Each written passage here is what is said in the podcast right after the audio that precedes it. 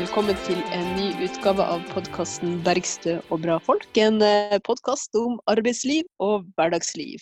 Kirsti Bergstø heter jeg, nestleder i SV, og med meg har jeg som vanlig Ingrid. Ingrid Wergeland, forlagssjef i Forlaget Manifest. Ingrid fra Karl Berners eh, plass i Oslo, og meg sjøl fra eh, Varangerfjordens vakre indre. Ja, men vi er jo ikke alene. Vi har jo med oss eh, en eh, fantastisk spennende gjest. Vi har med oss Lone Nikolaisen, kystfisker fra Røst. Velkommen som gjest hos oss, Lone. Tusen takk. Det er, det er en ære. Og gratulerer med dagen som var. Ja, gratulerer med 1. mai. Eh, ja. Hva du gjorde på 1. mai? Eh, jeg gikk overhodet ikke i noe tog, med mindre man kan anse det å sprenge etter lam som et eh, slags tog. Men jeg var eh, i arbeid, og jeg var i arbeid i et eh, lammefjøs her på Røst. Så det var for... fødsel og vann fra tidlig om morgenen til sent om kveld. ja, akkurat når det er snakk om fødsler og dyrehold, så må man jo jobbe alle dager, også 1. mai. Mm. mm. Ingrid, hva du gjorde 1. mai? Jeg eh, så litt på internettsendinger, som jo det var en del av. Eh, fra LO og Manifest og SV. Og så mm. syklet jeg en uh, tur uh, og var ute i en skog. Det var veldig fint. Å, det var veldig, veldig flott. Ja, det var veldig fint vær ja, ja. her i Oslo. Så det, det, var jo litt sårt at det ikke var noe tog og sånn, men uh, sånn er det. Ja, men vet du hva, jeg syns det var litt tosidig. For jeg savna jo voldsomt eh, folk og fellesskapet og det som man bruker å gjøre 1. mai.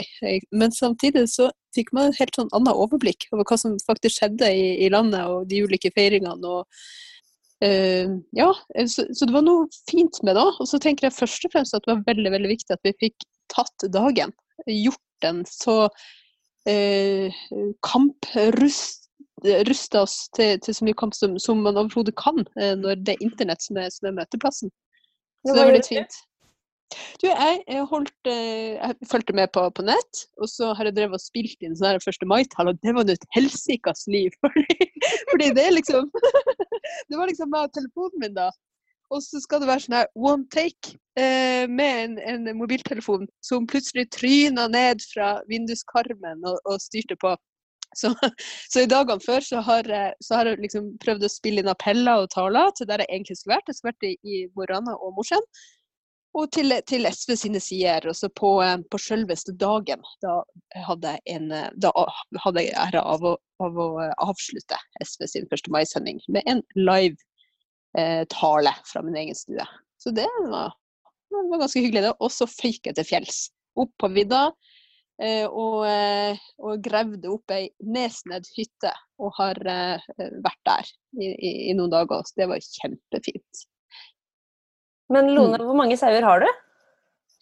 Jeg har ingen sauer, men det er, et, det er to sauebønder som samarbeider. Så det er vel en 130 sauer som skal lamme nå. Og nå er det 45 igjen. Så det har kommet ganske mange da, de siste dagene. Eh, og det var en veldig brå sånn, læringskurve. For jeg har vært med på lamminga før, men det har vært mer sånn å bære vann og bære mat og jage dem om bord i båten, for de får jo ut i fjellene her. Eh, men nå så ene dagen så jeg fungerte jeg som gynekologstol mens de var inne og liksom henta ut et lam. Det husker jeg som litt altså, traumatisk. Altså som stolen? Du, du var den ja, lammet? Ja, jeg holdt henne liksom nede eh, og, eh, og, holdt tak i beina hennes mens de Ja, veldig Lammekjøtt er ikke dyrt nok, for å si det sånn. Um, og eh, dagen etterpå så hadde jeg rykka opp til jordmor, så da var det jeg som dro ut lammet og sørga for at jeg kunne puste. Og det er jo en helt magisk følelse. Når du vanligvis bruker å ta liv, det å gi liv er jo supert. Men, men, du må forklare det med den båten. Hva, hva hadde båten med lammingen å gjøre? Det skjønte jeg ikke. Vi bor jo på Jo, å ja. Det, det, jeg tar det jo for gitt at alle sammen har sett Karianne på Røst. Eh, men eh, vi bor jo på ei bitte lita øy, og så rundt her så har vi noen eh, høye fjell med masse fint gress. som har vært beiteområde for husdyr i tusenvis av år. Og eh, når de da har blitt store nok, så tar vi og jager de om bord i en båt, og så kjører vi de en tre kvarter ut på de øyene, og så går de og beiter der og bidrar til et variert eh, kulturlandskap da, på sommeren. Og så hentes de igjen i september. Ok, så de, mm. men, men, de som skulle lamme, jeg skjønte mm. skulle de på båten? Eh, de lammer først, og så skal de om bord i båten. Og rett etterpå? Ja. Det er ikke noe Nei, det går kanskje Nei, nei, det går vel en eh, uke eller to så man ser at de vokser til, de her lammene. Ja. Eh, og så kjører man jo ikke sånn med to og to sauer. Så man har gjerne en full, full, båtlast, og det er vel gjerne en ja, 50 sauer og da kanskje 100 lam. Hvordan så må man da drive de. Hæ? Hvordan båt er det? Det er Røsts eneste gondol. Den er kjempe, kjempe, kjempelang. Det er en uh, aluminiumsbåt. Uh, den såkalte saubåten, deskriptivt nok eh, som har en lem framme, og så er den ganske rund under, sånn at du ikke eh, ødelegger den veldig hvis du kjører på noen steiner. For du må jo kjøre opp i fjæra, sånn at de får anledning til å gå i land. Mm. Og Nå kan det hende at noen er litt forvirra, for jeg har jo akkurat eh, introdusert deg som kystfisker, Lone. Og så snakker ja. vi om lamming, om sauehold om dyrehold. Ja. Kan ikke du eh, forklare sammenhengen her, og litt om deg sjøl også? Eh, det kan jo hende at de som hører på, har lest en og annen roman av Roy Jacobsen. Eh, og det har jo jeg også. Sånn at eh, mitt liv er mye ja, Roy Jacobsen. At man er Livet ditt er som en roman av Roy Jacobsen? Ja. Bare litt mindre sånn der ja, selvmord og sånt noe. Og, og tyskere og russiske fanger. De er det ikke så mange av. Men de usynlige, eh, de usynlige er vel kanskje er ikke den, ja. den boka Rødkapsen, den er jo liksom Den er jo ikke noe sånn særlig, nei. Eh, men jeg husker det var den der eh, Den triologien han hadde nå, hvor var det 'Blått hav' eller noe sånt den ene ja, het? Altså var det som heter Den første. Ja, den første av de der. Den husker jeg hørte på lydbok. Og så skulle jeg egentlig slutte å kjøre for at jeg var kjempetrøtt. Men så var jeg så spent på hvordan det hadde gått med de garnene de hadde sett at jeg kjørte til hele den boka var ferdig. Da var jeg kjempetrøtt når jeg kom fram, for jeg måtte jo bare vite sånn Nå håper jeg at de får fangst! Uh, så jeg går veldig opp i det å leve et uh, nordnorsk uh, Roy Jacobsen-liv. Det gjør jeg. Fikk de fangst? Ja, det gjorde de. men ikke den, ikke den, gangen. Da var det bom, bomtur akkurat der. Men jeg driver, driver vanligvis fiske, hovedsakelig på vinteren eh, vinteren her i Nord-Norge, det er fra januar til ja, midten av april. Da kommer skreien sigende fra Barentshavet og skal ned rundt eh, Lofoten for å gyte. Og når de kommer hit fra Make Sweet Sweet Love, så gjør vi oss klar med alle våre fangstredskaper og drar eh, ut og fanger dem. Eh, sånn at folk kan spise dem. Vi er en kommune som tilvirker for det aller meste tørrfisk. Og våre hovedmarkeder for det er Italia eh, og Nigeria for da torskehodene. Eh, ja, så det er mye fisk eh, her egentlig året igjennom. Selv om vårt arbeid med fisken gjerne er ferdig i april, så er tørrfisken en sånn ting som sysselsetter befolkninga på Røst frem til ja, frem til jul, egentlig, med å ta den ned, sortere den, pakke den eh, og, og, selge den da, til de forskjellige. Så det Vårt vinterfiske er på vinteren, men så varer egentlig fiskeriet helt til det, det begynner på nytt igjen. Så det er helårs arbeidsplasser knytta til tørrfiskeproduksjon? Det er det. Og her på Røst, vi er vel ifølge forrige folketelling, eller den forrige oppdateringa, så er vi vel 497 eh, mennesker som bor her. Da jeg flytta hit for sju år siden, så var vi 570. Hva har skjedd? Mm. Eh, det er mye flagging på halv stang. mm. eh, og så er det nå òg en del mennesker som har flytta herifra for å for å finne andre muligheter. Flytta til Bodø.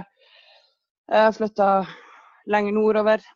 Men uh, mye er det at de har gått inn i jordskiftet, som vi sier her. Ja.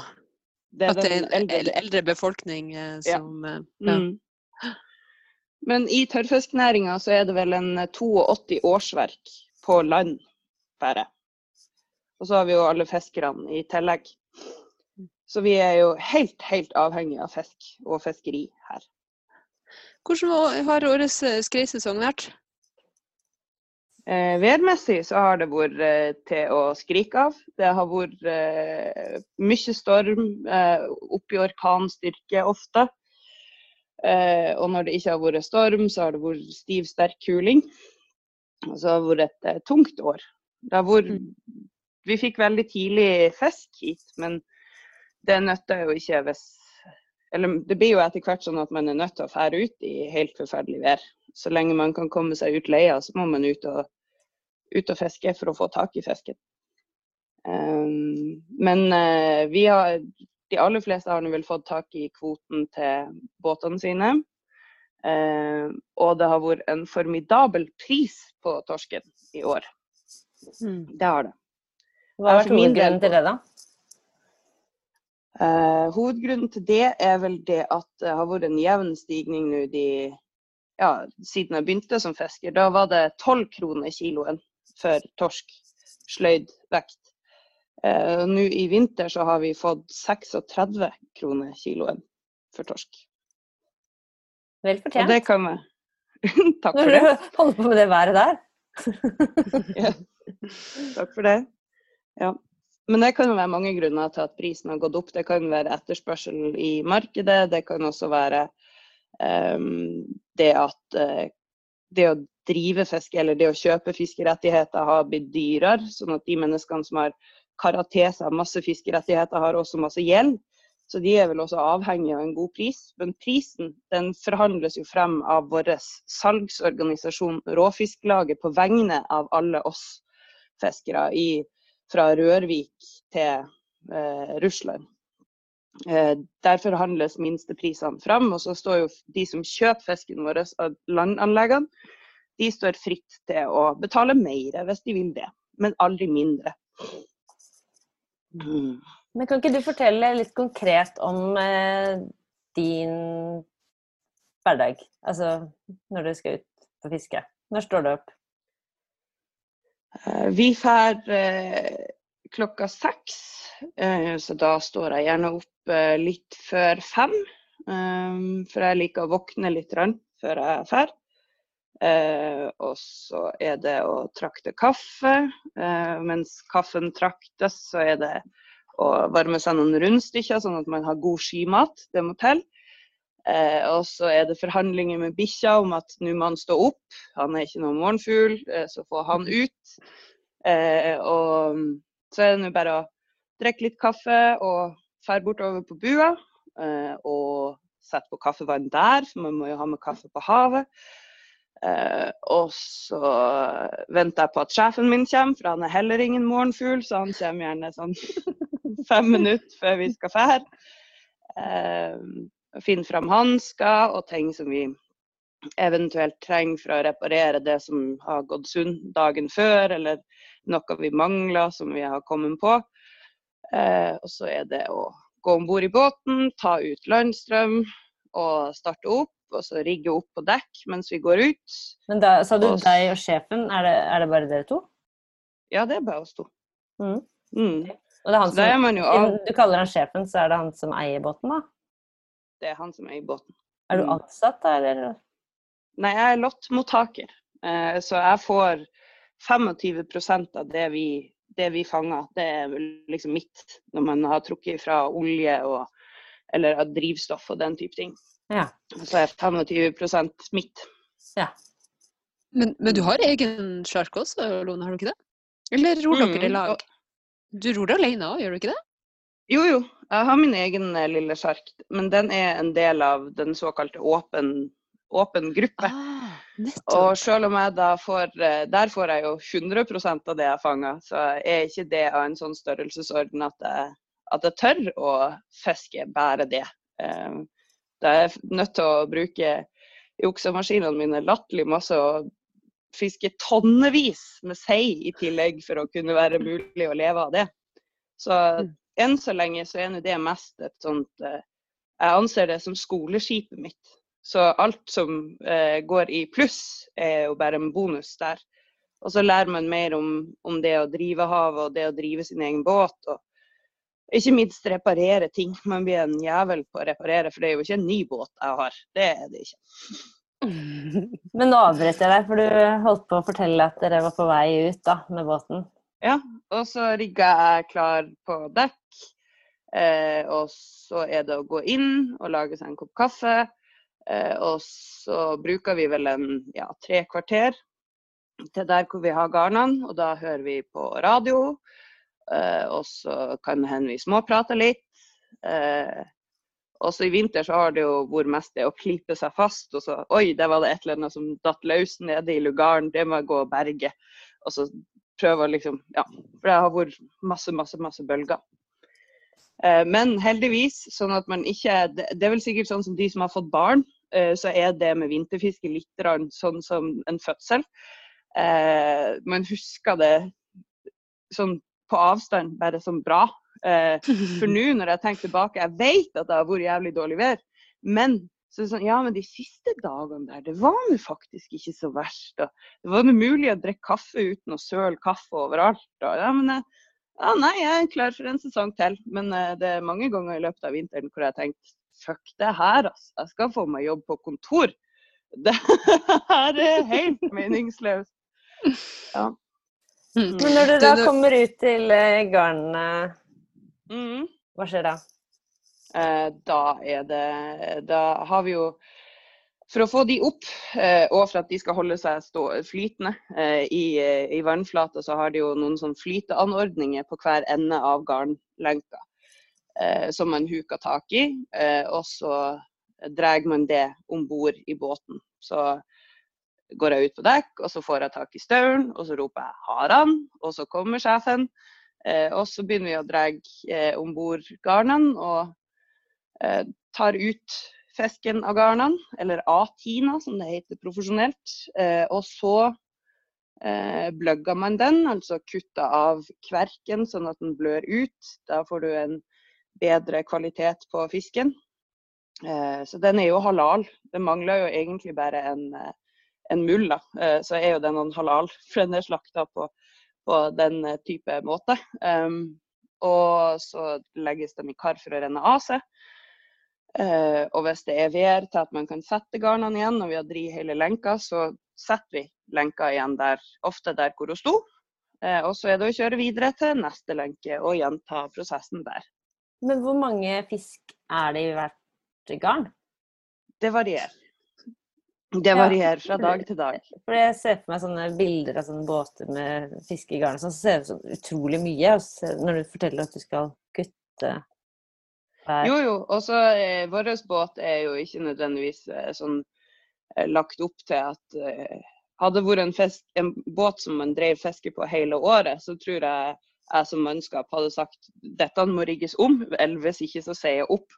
For på slutten av dagen så står jeg gjerne og hiver 1700 kilo en tur til, eh, sånn hver dag.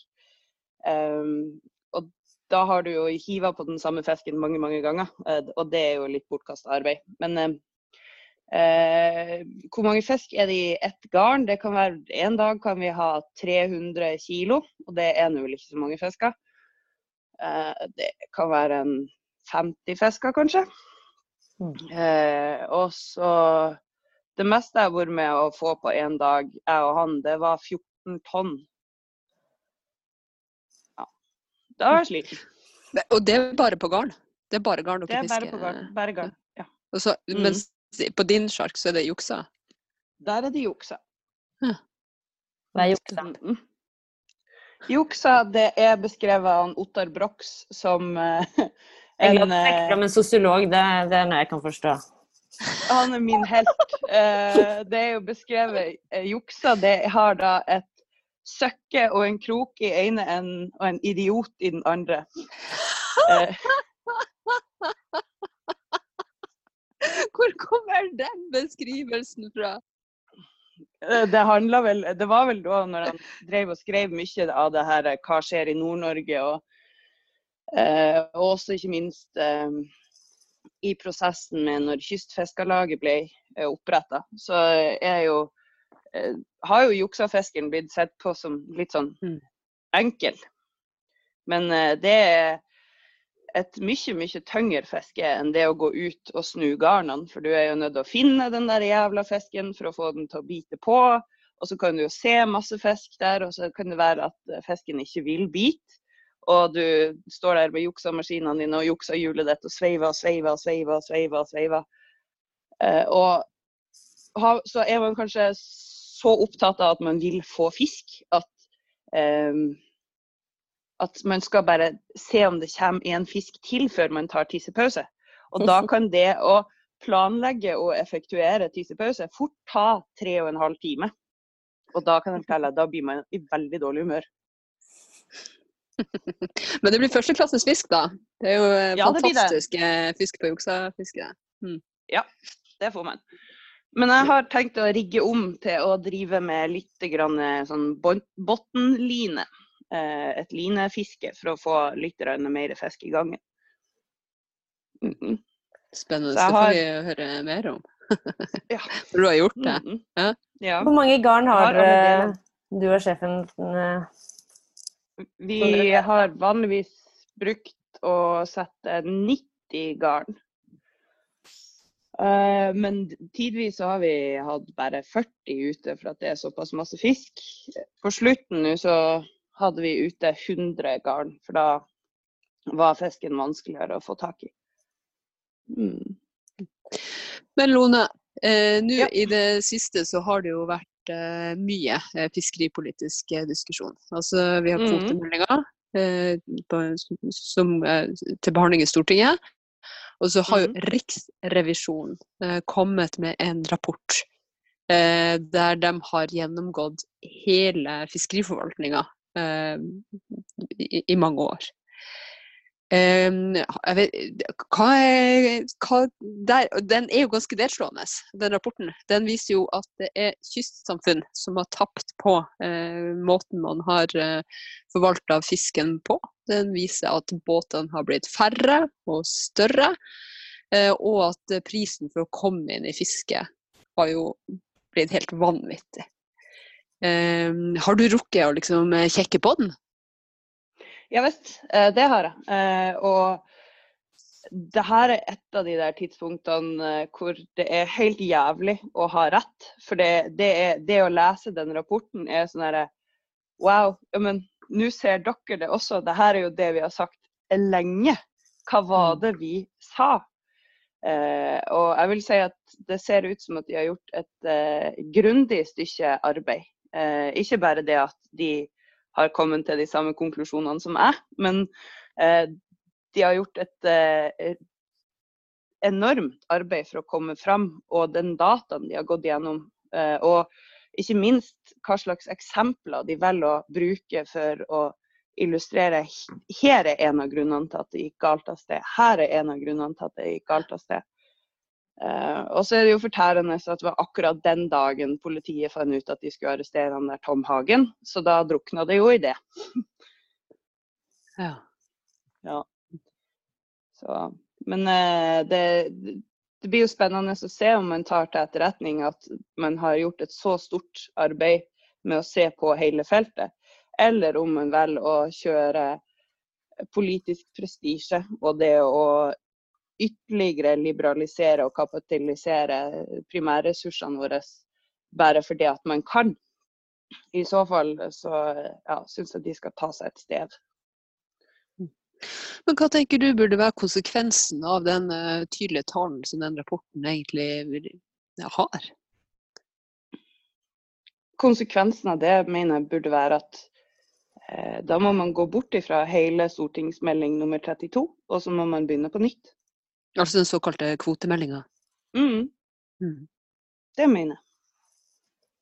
For eh, grunnen, noe av grunnen til at vi sitter i den knipa som vi sitter i nå, er det at som, som, jo også stortingsmelding 32 eh, forsøker å skal rydde opp i, er det at å, dette er et så uoversiktlig felt, og vi skal gjøre det enklere, vi skal gjøre det mer forståelig.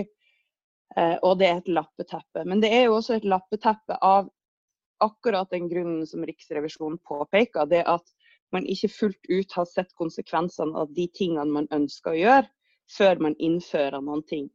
Og så ser man at oi, shit, eh, det ble ikke helt sånn som vi har tenkt. Ja, men da må vi innføre noe annet for å demme opp for det. Eh, og hvis man holder på sånn lenge nok, så blir det uoversiktlig nok til at det blir udemokratisk, og det blir problematisk. Og det blir også enda lettere for de menneskene som har eh, masse tid og penger til å ha lobbyister til å kjøre de store båtene sin sak.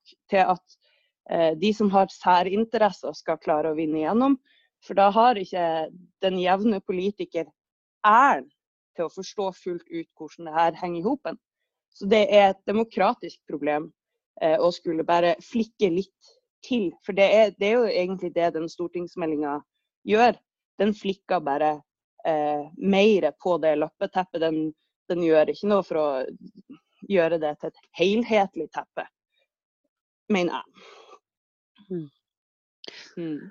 Og så er det vel heller ikke sånn at de grepene som eh, legges frem der, er noe som, eh, som vil komme kystbefolkninga og, og, og, kysten til gode, da. Nei. Nei. Jeg er enig med deg. For den, det, er jo, det, er jo, det som er så rart, at de på en måte sa at nei, nå skal det ryddes opp og alt skal bli så forståelig og bra. Og så gjør det noe for det første ikke det. Og for det, for det andre så eh, er jo de grepene som tas der, bare til det verre. Eh, ja. ja. Det er det. Og det, er, det vil jo være med å forsterke eh, ting som Riksrevisjonen fant, med at fartøyene blir færre og større. Et eksempel eh, som Riksrevisjonen trekker fram, er det at mm, man eh, var ikke helt sikker på om det ville ha noen konsekvens om man tok bort lengdebegrensninger for den største gruppa innen kystflåten. For man har jo havfiskeflåten, og så har man kystflåten. Havfiskeflåten de vet jeg ikke så sykt masse om, for havfiskeflåten det er trålere som er langt unna her, og de har jeg mer en teoretisk forståelse av. Men det er store båter som går langt til havs. Men eh, for en tid tilbake så eh, ble det tatt bort denne lengdebegrensninga. For det, innen Finnmarksmodellen, som er det vi har eh, delt inn båtene eh, i forhold til sånn størrelsesmessig, eh, så er grensa 28 meter. Den ble tatt bort, og så ble det erstatta med at man kunne ha en lasteromsbegrensning heller på var det 300 kubikk eller noe, et helt vanvittig tall. Noe som gjør at vi i dag da har båter som er regulert under kystfiskeflåten og er oppi 60 meter lang. Mm. Helt ko-ko. det er helt vanvittig. Og det er også de som da eh, er så kapitalsterk og gjeldssterk at det er de som har anledning til å kjøpe kvoten når de skal selges i samfunn som, som mitt og andre kystsamfunn rundt omkring. Så idet du har 800 millioner i gjeld, så det, gjør det ingenting å få 20 til. Mm. Eh, og de her eh, båtene der de kan gå hvor de vil, og de har heller ikke noe sånn lojalitetsforhold til hvor de leverer fisken. Sånn som Røste er avhengig av fremmede båter som kommer hit på vinteren og fisker. 80% av det volumet som vi trenger til å henge på gjeld her for å opprettholde fiskebrukene, det kommer ifra fremmede båter. Eh, men eh, når nå fiskeriet i større og større grad er styrt og drevet av de her kjempestore snurvebåtene, så kommer de hit og er utfor her og fisker fisken. Og så stimer de rett til Moskenes for å levere den. Så de fisker mm. fisken i havet vårt. Og så de benytter seg ikke av butikken vår. De eh, leverer ikke råstoffet sitt her, men stimer heller bare av gårde. Eh, så det har jo vært fokus på lønnsomhet, da. i denne stortingsmeldinga. Og Riksrevisjonen finner jo at alle de her størrelsesgruppene av båter i det lukkede fiskeriet, altså kvote som du kan kjøpe, har lønnsomhet og bedre lønnsomhet enn i andre bransjer. Eh, men da lurer jeg litt på lønnsomhet. Men, men lønnsomt for hvem? Hvem skal det være lønnsomt for? Skal det være lønnsomt for kysten? Skal det være lønnsomt for Norge? Skal det være lønnsomt for enkelte investorer og enkelte banker. Og det er jo egentlig eh, sånn at man burde søke å få en verdiforståelse før man kan utforme en form for politikk på det. Men når du sier at uh, de båtene som da kommer og fisker i havet deres utenfor øst og leverer helt mm. andre steder, at de mangler denne lojaliteten. Men er det på en måte noe som er uh, bare uh, altså, hvordan, hvordan, eh, hvordan, er denne lojaliteten? Er, det, er, det, er, den relasjonell, eller er det etter gamle avtaler? Eller er det eh, får de bare bedre priser andre steder, så de, da drar de dit? Eller hvordan, hvordan velger de seg hvilke steder de leverer fisken? Veldig ofte så er det pga. at man får bedre pris. Eh, og så er det også for en så stor båt så hefter det ikke å gå til Moskenes for å levere fisk. Hvis jeg hadde klart å bite meg ut med hvert et fiskebruk her på Røst, og så skulle gå med min lille sjark til Moskenes for å levere, så hadde det blitt både ja, kostbart og langtekkelig i eh, seks mils fart. Eh, men eh, det, det, blir jo til at man da velger eh, å levere der man får best pris. Mens de fiskerne som tidligere brukte å komme hit og drive med garn og lina, og som i stor altså det, det, er jo mange som fortsatt gjør det, eh, de kommer hit fordi de har drevet fiske her før. Eh, og eh, har da kanskje blitt tilbudt en enda bedre pris mot at vær så snill, kom hit i år også. For det er en, en veldig kamp om råstoffet på landsida også. Det er det. Hvordan er det egentlig nå, Lone? Fordi uh, nå er det jo veldig mye som har stoppet opp. Altså Industrien uh, sliter uh, med, med, å få eksportert produktene sine fordi alt er stengt ned og stopper opp. Økonomien har stoppet opp. Hvordan er det med fiske og fiskeriene for deres del? Um, I, I disse koronakrisene?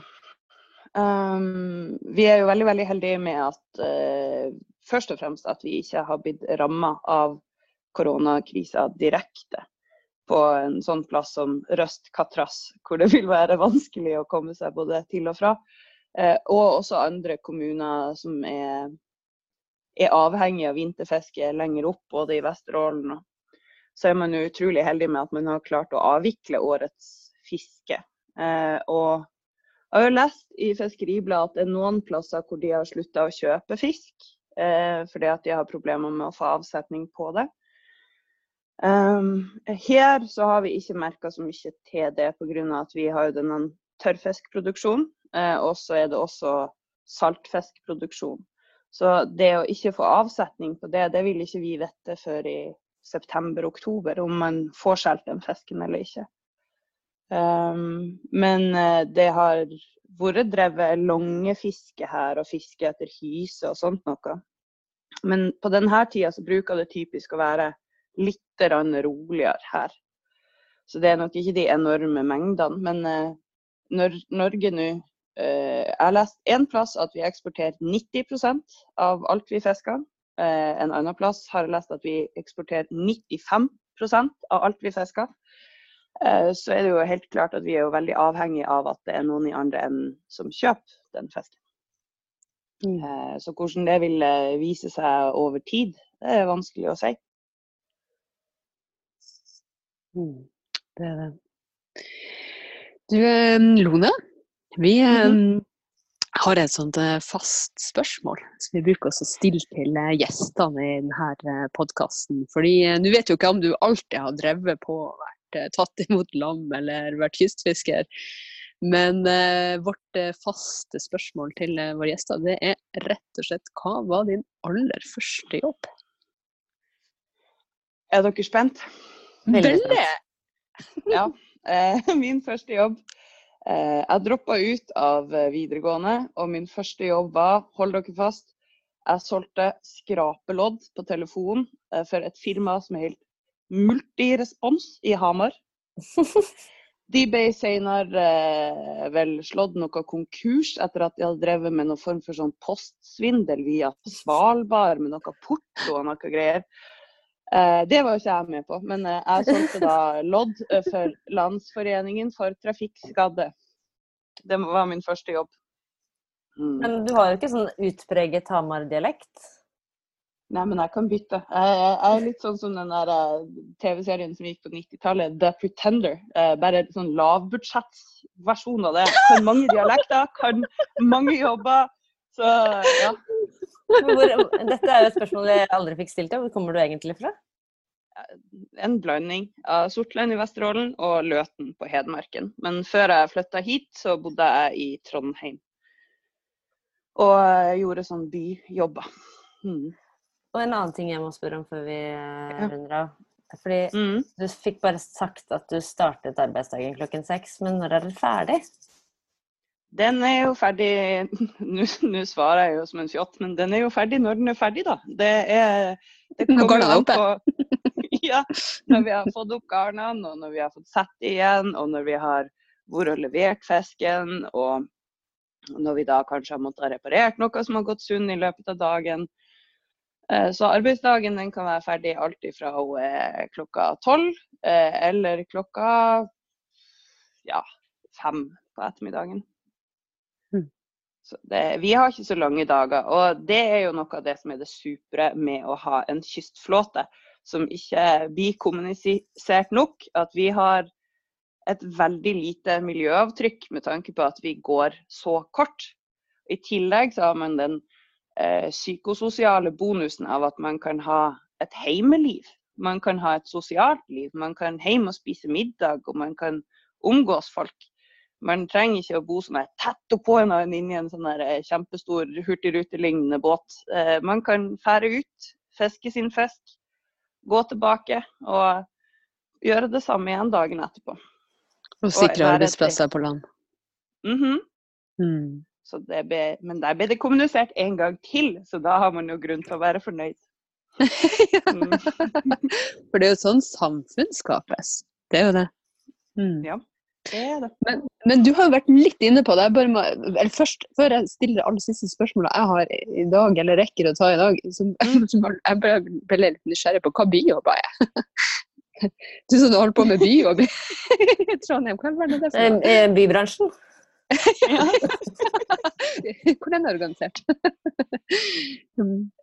Ja, men bijobber det er jo en sånn jobb hvor du er ansatt, og så gjør du egentlig bare den jobben. Du har ikke 18 jobber til ved siden av. Det er ikke sånn at eh, ja, men i dag så driver jeg med litt sånn eh, vask av hus, og i dag driver jeg med litt sånn maling, eller så drar jeg og henter slakt, eller eh, Mitt forrige firma, Lones Pavlova Service, det blir drifta her på Røst.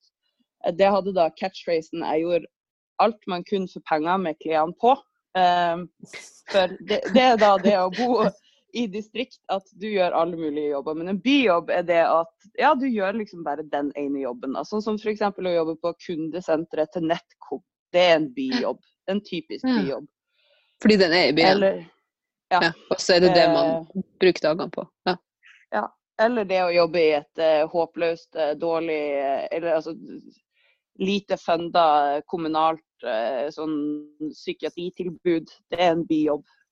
Da blir man eh, desillusjonert og trist over hvordan vi tar vare på de svakeste. Og det, eh, det føles verre ved at det er en by. Ja. Jeg har ingenting imot byer. Jeg, har, jeg syns byer er veldig flott. Eh, ofte. Eh, det blir jo også litt snodig nå, når man som eh, en god borger egentlig skal bare holde seg hjemme. Eh, så, men, men som oftest så bruker jeg å fære så fort jeg kan herifra når vi er ferdig med vinterfiske, bare for å komme meg bort litt. rann Men uh, i år blir jeg jo bare å være her. Mm. Mm. Men uh, dessverre så kan man bli litt uh, Så er det jo ikke alltid i distriktene heller at psykiatrien har de ressursene den burde hatt. Dessverre. Nei, Nei, nei, de har ikke Men det. Jeg har et siste spørsmål. Kanskje Ingrid har eh, noe mer på lager, men jeg har et siste spørsmål. Hva er det beste? Hva er det aller beste med å være kystfisker?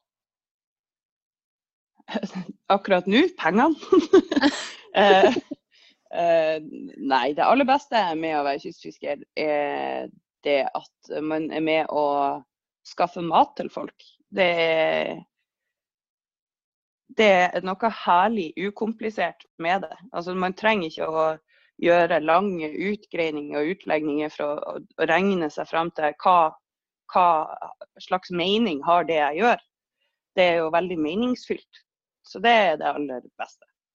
Og så er mm. det veldig fint å ja, støtte seg på når man må klype seg fast. At uh, tenk det, denne fisken skal kanskje han Luigi og kona spise når de feirer bryllupsdag. Håper de ikke krangler den dagen, og så hive den fisken av gårde. Eh, at man skaffer mat til folk, og man er med å eh, bære videre tradisjoner. og det, ja, det er meningsfylt og gjør at når man tenker litt større på det, så blir man fylt av en form av sånn ærefrykt. Mm. mm. Så det er det beste.